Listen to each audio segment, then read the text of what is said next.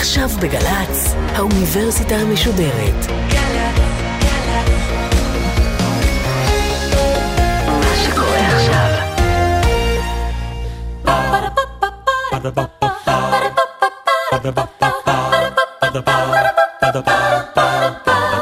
האוניברסיטה המשודרת בשיתוף מיזם וויז מציגה המדען העירום מיטב החוקרים בישראל בשיחה עם בן שני אחד על אחד מול קהל. והפעם שיחה נוספת עם גל קמינקה פרופסור מן המניין במחלקה למדעי המחשב ובמרכז גונדה לחקר המוח וראש מאגד הרובוטיקה באוניברסיטת בר אילן על רובוטים ובינה מלאכותית. עורכת ראשית מאיה גאיה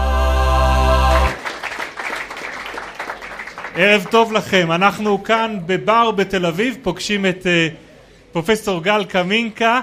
השיחה הזאת התחילה להיות משודרת בשבוע שעבר ובעיקר עסקה אז בכמה קשה לתכנת רובוטים, כמה קשה להעביר את הנושא הזה, את התחום הזה שבו אתה מתמחה שנקרא בינה מלאכותית ורובוטיקה. ואני רוצה שלפני שנתחיל את החלק השני של המפגש שלנו אני רוצה לספר לך סיפור שקראתי היום על רובוט קנדי בשם ההיצ'בוט. אז למי שלא מכיר את הסיפור של ההיצ'בוט, רובוט שתכנתו אותו שני מדענים אה, מקנדה, שלמעשה אה, תוכנת כך שיוכל להסתובב בעולם, להקיף את העולם בטרמפים. הוא יושב לצד הדרך, עוצר טרמפים, ומי שמסתקרן מהרובוט הזה שנמצא לצד הדרך, אוסף אותו אליו למכונית. מנהל איתו שיחות, על מה הוא יודע לדבר האיץ' רובוט? הוא זורק כל מיני טריוויה, כלומר, אם אתה לוקח אותו לנסיעה אז אתה תשמע אה, קצת פרטים על הדרך שלך, ומה רואים בדרך, ואו איזה מזג האוויר, כאלה שיחות של טרמפים כאלה. והבנתי שגם פילוסופיה ומוזיקה, והוא עושה איתך גם כן סלפי ומעלה את זה בזמן כן. אמת לאתר שלו ולעמוד שלו בפייסבוק. הוא הסתובב יפה מאוד בקנדה, בגרמניה, בהולנד, ואחרי שבועיים בארצות הברית... נרצח. כן, כן, זה, זה הסתיים... אה, זה היה ניסוי חברתי בעצם, כלומר אין כאן, זה לא ניסוי ברובוטיקה, זה ניסוי ב, בחברה. אבל הוא יכול ללמד אותנו משהו על היחס המורכב הזה בין בני אדם ובין רובוטים? אני מניח שאפשר ללמוד, כלומר אני מניח שכשעושים ניסוי כזה, אז יש אה, רצון ללמוד, יש שאלה מחקרית אה, ספציפית שאותה מנסים להעלות, או שלפחות לפעמים, לפעמים אתה עושה את זה פשוט מה שאתה אומר, בוא נראה מה יקרה. אתה יודע, מתוך התוצאות שאני לא מעורב בניסוי הזה, אני לא יודע מה, מה קרה שם בדיוק. אבל אני יכול להגיד שאנחנו, אה, אנשים מסתבר יש להם יחס מאוד מורכב לרובוטים. אני חושב על רובוטים בתור מכונות. זו מכונה שאני בונה, אני את שלי לא בונה, אני מדען מחשב, אני לא, אני רק מתכנת. אתם יודעים כמה מדעני מחשב צריך בשביל להחליף נורה? אפס, אנחנו לא מתעסקים בחומרה, אנחנו רק תוכנה, אנחנו לא... אז אה, אני לא אומר את הדברים מתוך יהירות, אני אומר את הדברים מתוך צער, אני לא יודע לבנות רובוטים, אני יודע לתכנת אותם. אז, אז בשבילי זה, זה מחשב שיש לו יכולות מסוימות, יש לו יכולות מכניות מסוימות, וזה בעיניי בדיוק כמו לעבוד על מכונת כביסה. יותר מעניין אולי מכונת כביסה שמשחקת כדורגל, אבל, זה עדיין אותו הדבר. ולכן אני תמיד מופתע כשאני מגלה שיש אנשים שחושבים על זה בצורה אחרת. אז uh, לא מזמן uh, התפרסם, התחיל להופיע בפורומים של הפורומים של חברת איי-רובוט שמייצרת את הרומבה, הם גילו שיש אנשים שלוקחים את הרומבה איתם לטיולים משפחתיים, כדי לא, שהוא לא יישאר לבד בבית. אז בעיניי זה, אני מסתכל על זה ואני אומר בואנה, אני לא מבין את התופעה הזאת. אבל מסתבר שזה קיים. כלומר, אנשים מתייחסים לסיפור הזה נורא... עם, עם... יש לנו כנראה איזשהו משהו בפסיכולוגיה שלנו שאומר, אם זה זז, אוקיי? Okay, אז, אז זה לא סתם מכונה, כן? אה, ובגלל זה, אולי גם בעלי חיים, בגלל זה אנחנו... אבל, אבל אנשים לוקחים את זה למקומות מאוד מוזרים. למה אנחנו מתעקשים לבנות אותם שהם יהיו דומים לנו? אנחנו מתעקשים בחלומות שלנו, אנחנו מתעקשים בסרטים, אנחנו מתעקשים בספרות, אנחנו מתעקשים פה ושם באנש... כשאנחנו חוק... רוצים לחקור את ה... דווקא את הבעיה של גוף שנראה כמו גוף של בן אדם. אבל את האמת שאנחנו לא מתעקשים, כלומר המערכות שאנחנו מדברים עליהן היום שהן באמת מערכות עובדות, כולל הבית, הן לא נראות כמו בן אדם, הן גם לא צריכות לראות כמו בן אדם, יש להן פונקציה מאוד ספציפית, וכשאתה מבין את הפונקציה הזאת, אז אתה מתכנן את המכונה לפי הפונקציה. זו גישה נורא הנדסית, דרך אגב, נורא פרגמטית. כלומר, אם הייתי רוצה, תחשבו פעם, כן, אני אחזיר אתכם עשרות, מאה, מאתיים שנה אחורה, אין מכונות כביסה. ואומרים למישהו, תבנה מכונה ש... כן, שיודעת לנקות כביסה. אז ההתחלה היא בטח בציור כזה שהוא מצייר לעצמו של בן אדם שוטף את הכביסה. אוקיי? למה? כי זה מה שהוא מכיר. כלומר, זה הדרך ששוטפים. איפה זה ואיפה מכונת הכביסה של ימינו, והיא עושה עבודה מצוינת. אבל ברגע שמבינים את הפונקציונליות, ברגע שאתה מבין מה אתה רוצה לעשות, אז אתה עכשיו בונה את זה כדי שיעשה את זה בצורה הכי טובה. זה לא כל כך ברור שאנחנו אי פעם נצטרך בעצם רובוט שנראה כמונו. זה באמת לא ברור לי. אבל אני אגיד לך... ואם כן, אז למה הוא צריך להיות דווקא עם שתי רגליים?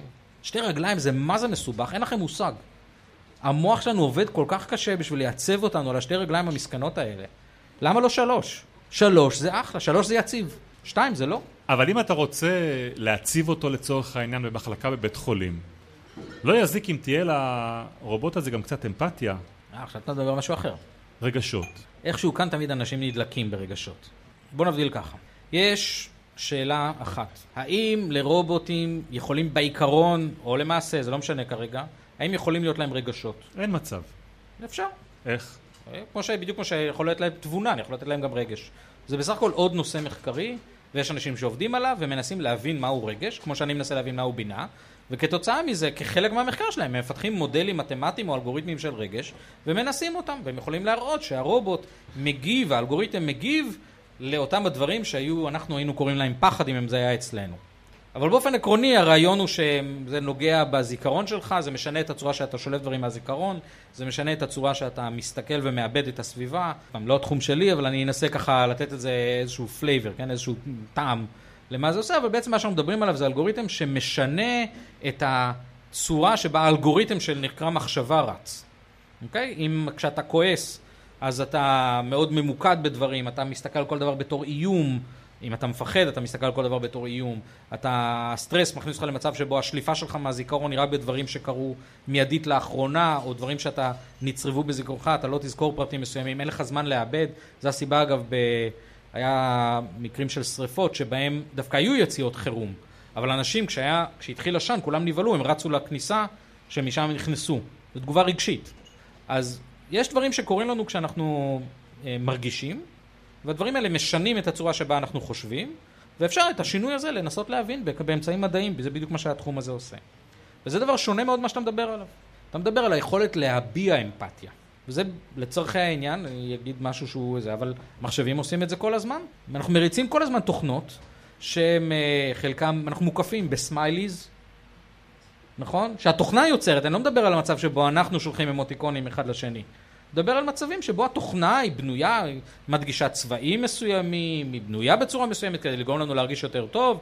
אני יודע על ניסויים שבהם בנו אה, תוכנות שיודעות אה, לזרוק בדיחות מדי פעם, או לתת פידבק חיובי למשתמש, וזה עבד מצוין. אה, היה אפילו מחקרים שהראו שאנשים, אפילו כשאומרים להם שהמחשב סתם או נותן להם את הפידבק החיובי הזה, המחשב היה זורק כל מיני דברים בנוסח של אתה עושה עבודה מצוינת היום. מעולם לא ראיתי מכתב כל כך טוב. כל מיני דברים כאלה, כן? תוך כדי שהם עובדים על וורד. ואפילו שאומרים להם שזה לחלוטין רנדומלי והמחשב לא באמת מבין ולא שום דבר, אנשים עדיין נתנו ציונים יותר גבוהים לתוכנה מאשר תוכנה שלא נתנה להם את הפידבק. כלומר, אנשים מגיבים לזה. עכשיו, אין לזה שום קשר לזה שהמחשב מרגיש משהו. הרובוט לא מרגיש כלום, המחשב לא מרגיש כלום, אבל הוא יודע להביע. והבעה הזאת היא נורא חשובה, היא נותנת לנו הרגשה טובה. אני אם הייתי מהנדס שרוצה לבנות מוצרים, היום אנחנו אני בקשר עם חברה בשם אינטואישן רובוטיקס, שמנסה לבנות אה, רובוטים לגיל, לגיל הזהב, בעצם לגיל השלישי. וחלק מה, ממה, חשוב ממה שהם צריכים לעשות, זה לגרום לה, לאותו זקן או זקנה, לאותו איש מבוגר, לאיזושהי אמפתיה מול הרובוט, לאיזשהו קשר. כי חלק חשוב מהטיפול בבן אדם המבוגר זה להוציא אותו מהבידוד החברתי שבו הוא נמצא ולתת לו את אותן אינטראקציות. שיהיה צריך. חבר. שיתנהג כמו חבר. זה שונה מאוד מאשר שיהיה חבר, אוקיי? מה שאנחנו צריכים זה שהמחשב יעבוד ככה שהוא נותן לנו את התחושה ללקוח, למשתמש, את התחושה שהוא צריך. לא בשביל זה הוא צריך באמת להרגיש את זה, אוקיי? אני יודע שזה נשמע כמו זיוף אחד גדול. זה כמו דקסטר, מי שראה את הסדרה, כן, שם עליו את המסכה שהוא מדבר עליה תמיד, של רגשות. אבל זה מה שהמשתמש צריך לראות את זה, הוא לא צריך באמת, לה... אני לא רוצה רובוט שבאמת מפחד, אני רוצה רובוט שיודע להרגיש לתת את התחושה שהוא מפחד כדי לגרור תחושה מסוימת אצל המשתמש. אני לא רוצה, חו... אני לא רוצה רובוט שהוא אה, נכנס באמת ללחץ. איך אתה עושה את אני זה? אני רוצה רובוט שיודע להרים טלפון למשטרה. איך אתה עושה את זה?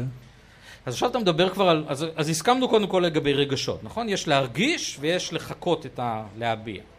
והבעה הזאתי, אז שם יש עולם שלם באמת שקשור לצבעים ולצורות ולהבעות פנים שאנחנו רואים אותם. זה עוד פעם, זה הרבה עבודה עם פסיכולוגים. אני אישית לא מתעסק בזה, אבל אני יודע ממחקרים של אנשים אחרים, הרבה מאוד עבודה עם ניתוחי הבעות פנים, שמסתבר שיש אה, מספר קטן, שש או שמונה, משהו כזה, של הבעות פנים בסיסיות שכל בני אדם מכירים.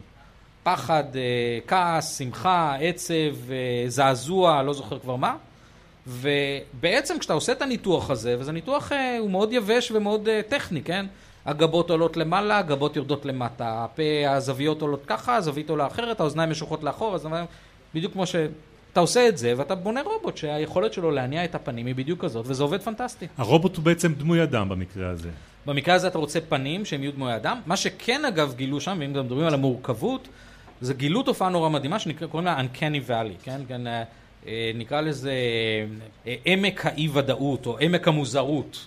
גילו תופעה שככל שאנחנו עושים את הרובוט יותר קרוב מבחינת ההבעות שלו, מבחינת המראה החיצוני שלו יותר קרוב לבני אדם, אנשים אוהבים אותו יותר ויותר ויותר, עד למצב שזה כבר ממש ממש ממש קרוב, ואז אנשים ממש שונאים את הרובוט. אני אתחיל ממין חביטוש כזה, מין פחית שימורים עם זוג ככה אה, גולות במקום עיניים, ואנשים יגידו, אה, זה יותר טוב מאשר פחית שימורים בלי גול עיניים.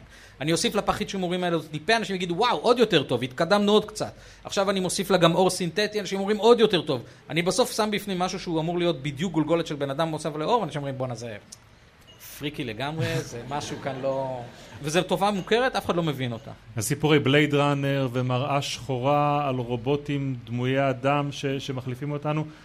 אתה לא צופה לזה התכנות. רגע, דיברת על שני דברים שונים. אחד זה על החלפה, וזה אני מאוד מאחל לכולנו, שרובוטים יחליפו אותנו בכל המשימות שאנחנו לא רוצים לעשות. הדבר השני שדיברת עליו זה שנראים כמונו.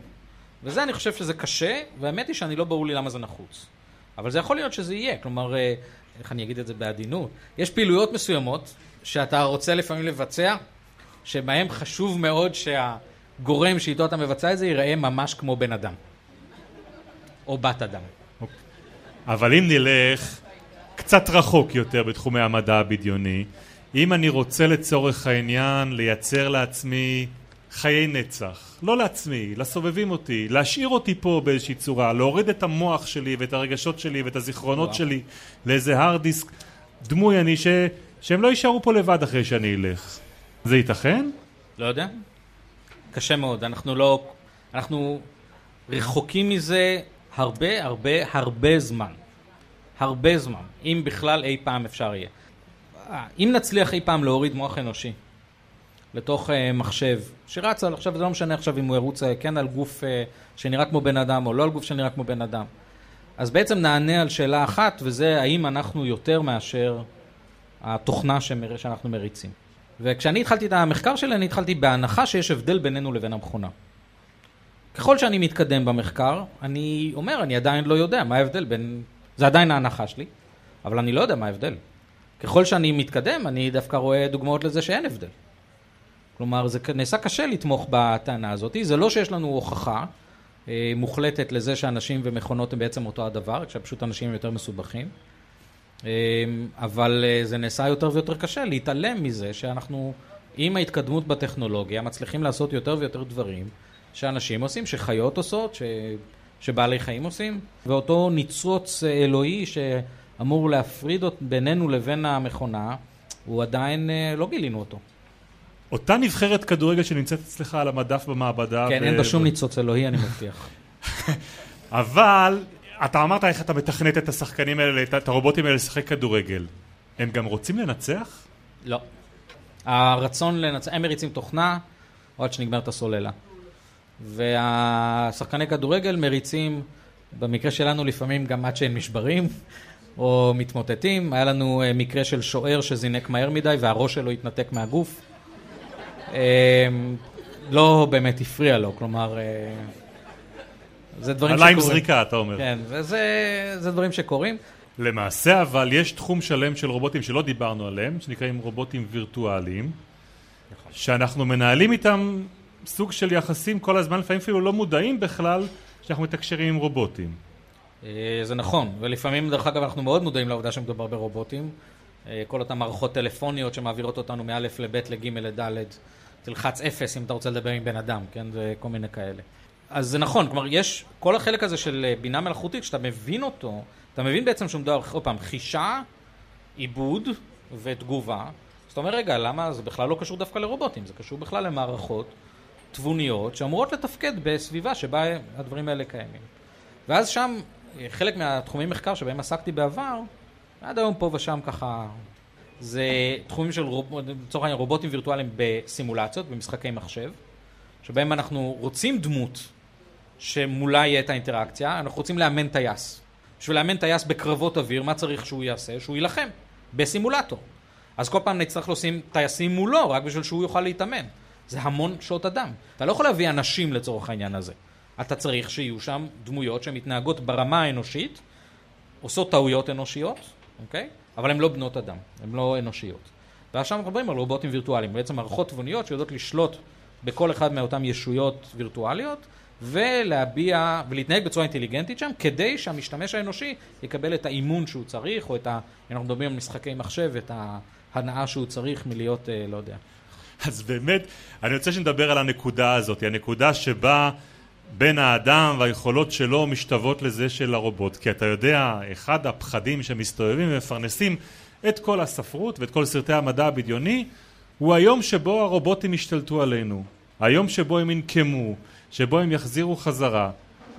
ואני מתרשם שאותך זה בכלל לא מטריד. היום שבו מכונות הכביסה יקומו עלינו לארגנו?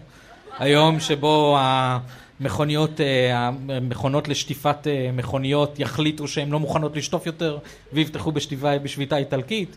היום שבו הסמארטפונים שלנו יחליטו לא לשתף פעולה? את, על איזה, על איזה יום אנחנו מדברים? היום שבו המטאטה של וולט דיסני ממשיך להביא את המים ולא מפסיק. אחד מהיתרונות הברורים שלנו על גבי רובוטים זה שאצלנו את האוף סוויץ' שלנו הרבה יותר קשה למצוא. ברובוטים הוא מאוד מאוד ברור. בדרך כלל מסומן בעגול, יש בפנים כזה מין חצי סמיילי כזה עם קו, לוחצים עליו והרובוט נחבא. אתה בכלל לא מבין על מה מדובר? לא. אני חושב שזה פחד uh, קמאי. מאז תחילת ההיסטוריה, וזה מוטיב יהודו נוצרי, ככה אנחנו קוראים לו, אבל זה מופיע בנצרות וביהדות, יש את חטא פרי הדת. יש דברים שאסור לגעת בהם. יש את האילן שאסור לקטוף מפירותיו. וזה מלווה אותנו כבר שנים, וכל פעם בהקשר לטכנולוגיה. כשגוטנברג המציא את מערכת ההדפסה, את הדפוס הראשון, אז כולם כעסו עליו, על איך הוא מחליף את הנזירים, ואוי ואבוי, וזה יהיה הסוף של הנוער. ואחרי זה, אז זה ההתחלה של הספרים, כן, למי שלא מבין. כשהרדיו נכנס אז כולם דיברו על אוי ואבוי, זה הסוף של הספרים וזה הסוף של הנוער, ואנה הידרדרנו.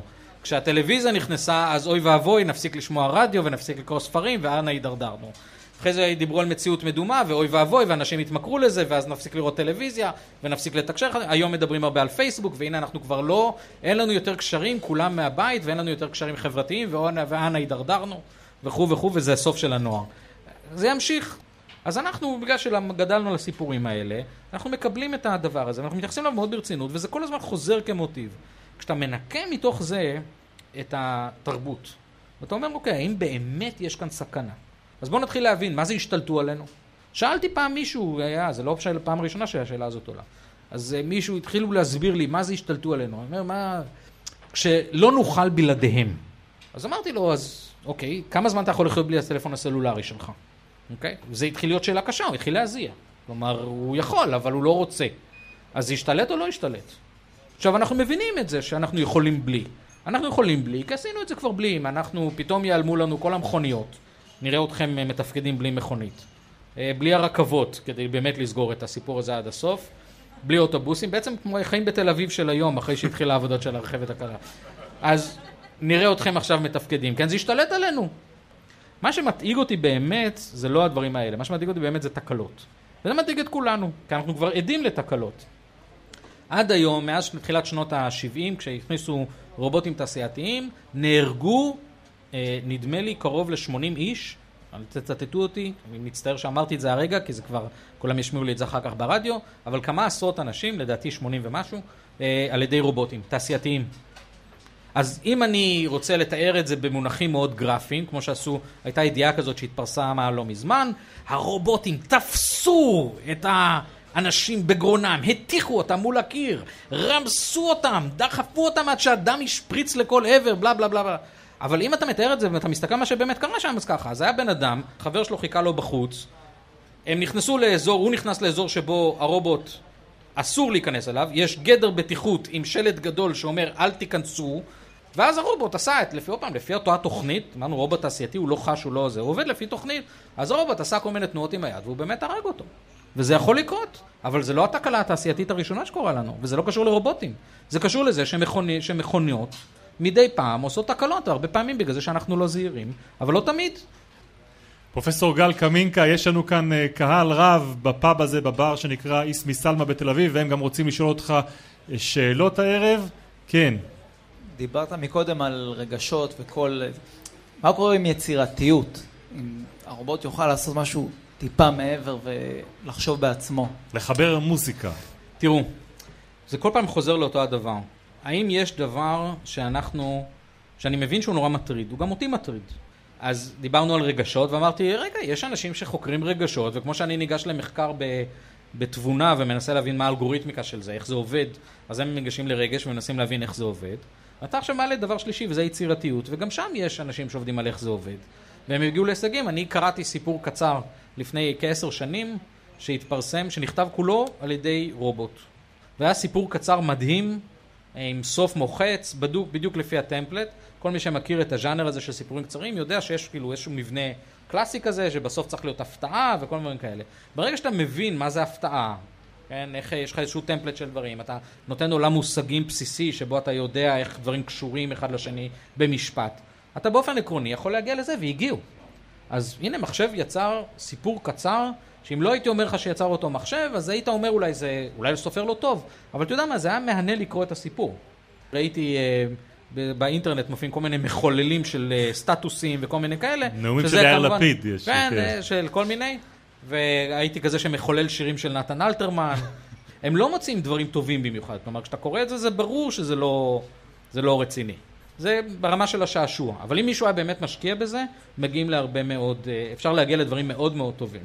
אחת מהתוכנות הראשונות שנכתבה בינה מלאכותית, אחד מההישגים הראשונים, היה תוכנית בשם אלייזה.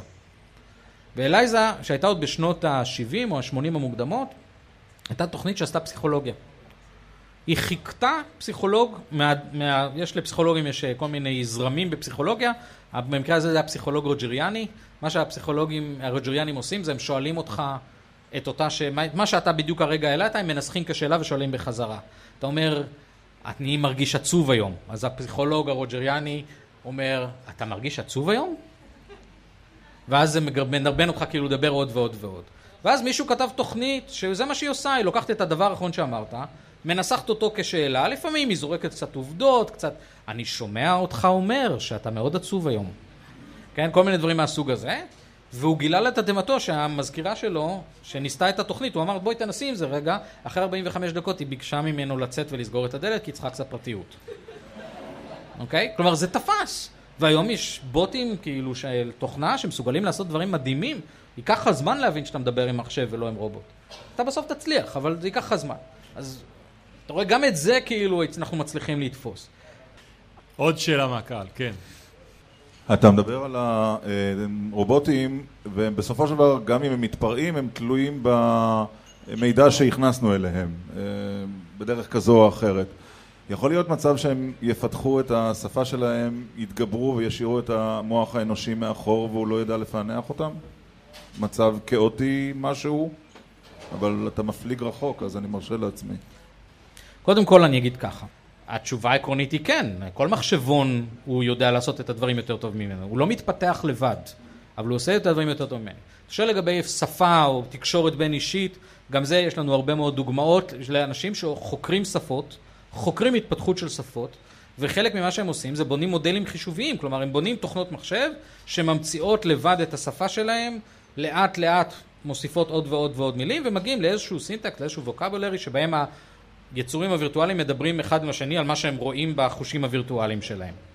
השאלה שבעצם עומדת מאחורי זה, זה האם זה יכול לקרות לשואבי האבק שלנו, או בעתיד לאותם חוטבי עצים ושואבי, כלומר לאותם אנושואידים או לא אנושואידים, אותם רובוטים שיסתובבו לנו בבתים ויעשו הכל. והתשובה לזה היא שזה יכול לקרות כאשר בונים את זה פנימה. עכשיו השאלה למה שזה יהיה בנוי בפנים. אז אפשר לדמיין עולם שבו כל הדברים האלה בנויים בפנים ואז הוא נורא נורא מפחיד. אני פשוט לא מבין למה. למה לדמיין דווקא את העולם הזה המפחיד? למה לא לדמיין עולם שבו השואב אבק שלי עושה בדיוק מה שהוא צריך לעשות, המכונית האוטונומית שלי עושה בדיוק מה שהיא צריכה לעשות, המזל"ט שהצבא שלי מפעיל או המשטרה או היחידה לחיפוש והצלה עושים בדיוק את מה שהם צריכים לעשות, ואף אחד לא נתן להם את היכולת לעשות משהו מעבר לזה. זה עולם הרבה יותר הגיוני מבחינה הנדסית, מבחינה מימונית. למה שאני אשקיע כוח חישוב בתור מהנדס? למה שאני אשים משהו על המחשב, על הרובוט, שהוא לא קשור איכשהו למשימה? אז אני לא כל כך, אני כן רואה את הבעיה בתקלות, אני כן רואה בתאונות, זה קורה, אבל זה קורה עם כל טכנולוגיה. התכוונתי שהרובוט יעשה דברים שאתה לא תבין ולא תוכל להבין ולא תצליח להגיע אליהם. מכונות עושות את זה כבר היום. כבר היום יש לנו מצבים שבהם מכונות אינטליגנטיות, יצירי תוכנה שלנו, עושים דברים שאנחנו לא היינו יכולים לעשות לבד, ואנחנו לא כל כך מבינים איך הם הגיעו לזה. אה, כל הנושא היום של מה שקוראים למידה עמוקה, שזה בעצם אה, המצאה מחדש של תחום שנקרא רשתות נוירונים במדעי המחשב מלפני 20 שנה, והוא צובר עכשיו הרבה מאוד תאוצה עם הרבה מאוד הצלחות.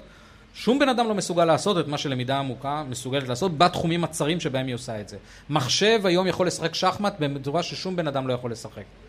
אין בזה, בוא נוריד מזה רגע את, ה, את האלמנט הזה של מה יקרה אוי ואבוי אם זה יתפרע, ונבין של אוקיי, כמו, כמו כל טכנולוגיה, יכולות להיות תקלות, אנחנו בדרך כלל מאוד זהירים בהכנסה של טכנולוגיה, אנחנו גם מאוד מאוד טובים לאורך ההיסטוריה, תמיד טכנולוגיה חדשה נכנסת, אנחנו לומדים לאט לאט איך להשתמש בה יותר נכון, אנחנו לומדים על איזה תקלות קורות, ואנחנו מתקנים. טוב, בנימה האופטימית זה... הזאת אנחנו עומדים לסיים, ובסיום, צרור של שאלות, התשובות צריכות להיות מאוד מהירות. פרופסור גל קמינקה, תעמוד בזה? לא. מי הרובוט הבדיוני החביב עליך? דניל, אר דניל, הרובוט הראשון שאיתו נתקלתי בספרות. זה של אסימוב.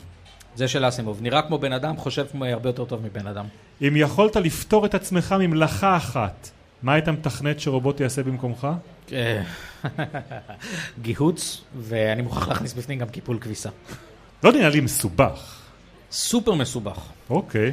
סופר מסובך, הרובוט הכי טוב שהגיע לזה אי פעם, לקח לו 20 דקות לקפל מגבת מתוך ערימה של רק מגבות, וכולם היו באותו הגודל.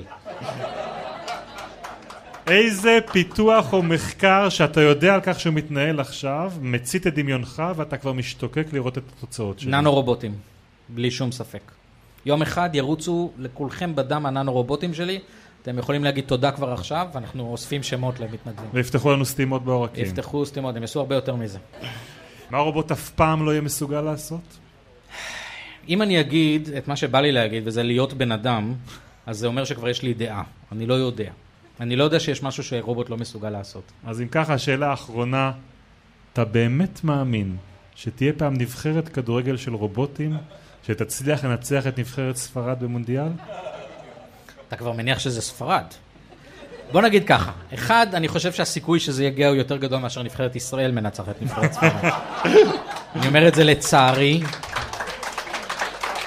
אבל זה, בוא נסכים שהסיכויים לזה הם יותר גדולים. אה, ושתיים כן, זה אפשרי. פרופסור גל קמינקה, תודה רבה רבה לך על הערב המרתק הזה. תודה לשותפים שלנו בעמותת וויז, תודה לבר שאירח אותנו, האיס מסלמה בתל אביב. תודה רבה לעורכת שלנו, מאיה גייר, על ההפקה ועל התחקיר, אביגיל קוש, על הביצוע הטכני, בני יהודאי ובן קטן. תודה רבה לדרור שדות ולליאור סמבטו, תודה רבה לקהל שהגיע לכאן, תעקבו אחרי המפגשים שלנו דרך הפייסבוק של האוניברסיטה המשודרת ושל וויז, כיף להגיע ולשמוע את המדענים שמגיעים לכאן. אני בן שני, לילה טוב.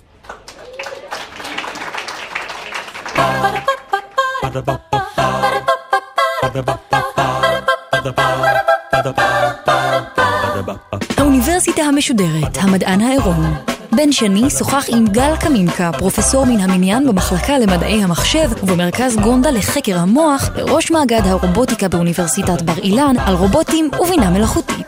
עורכת ומפיקה אביגיל קוש. מנהלת תוכן מאיה להט קרמן. האוניברסיטה המשודרת בכל זמן שתרצו, באתר וביישומון של גל"צ, וגם בדף הפייסבוק של האוניברסיטה המשודרת. Ba-da-ba.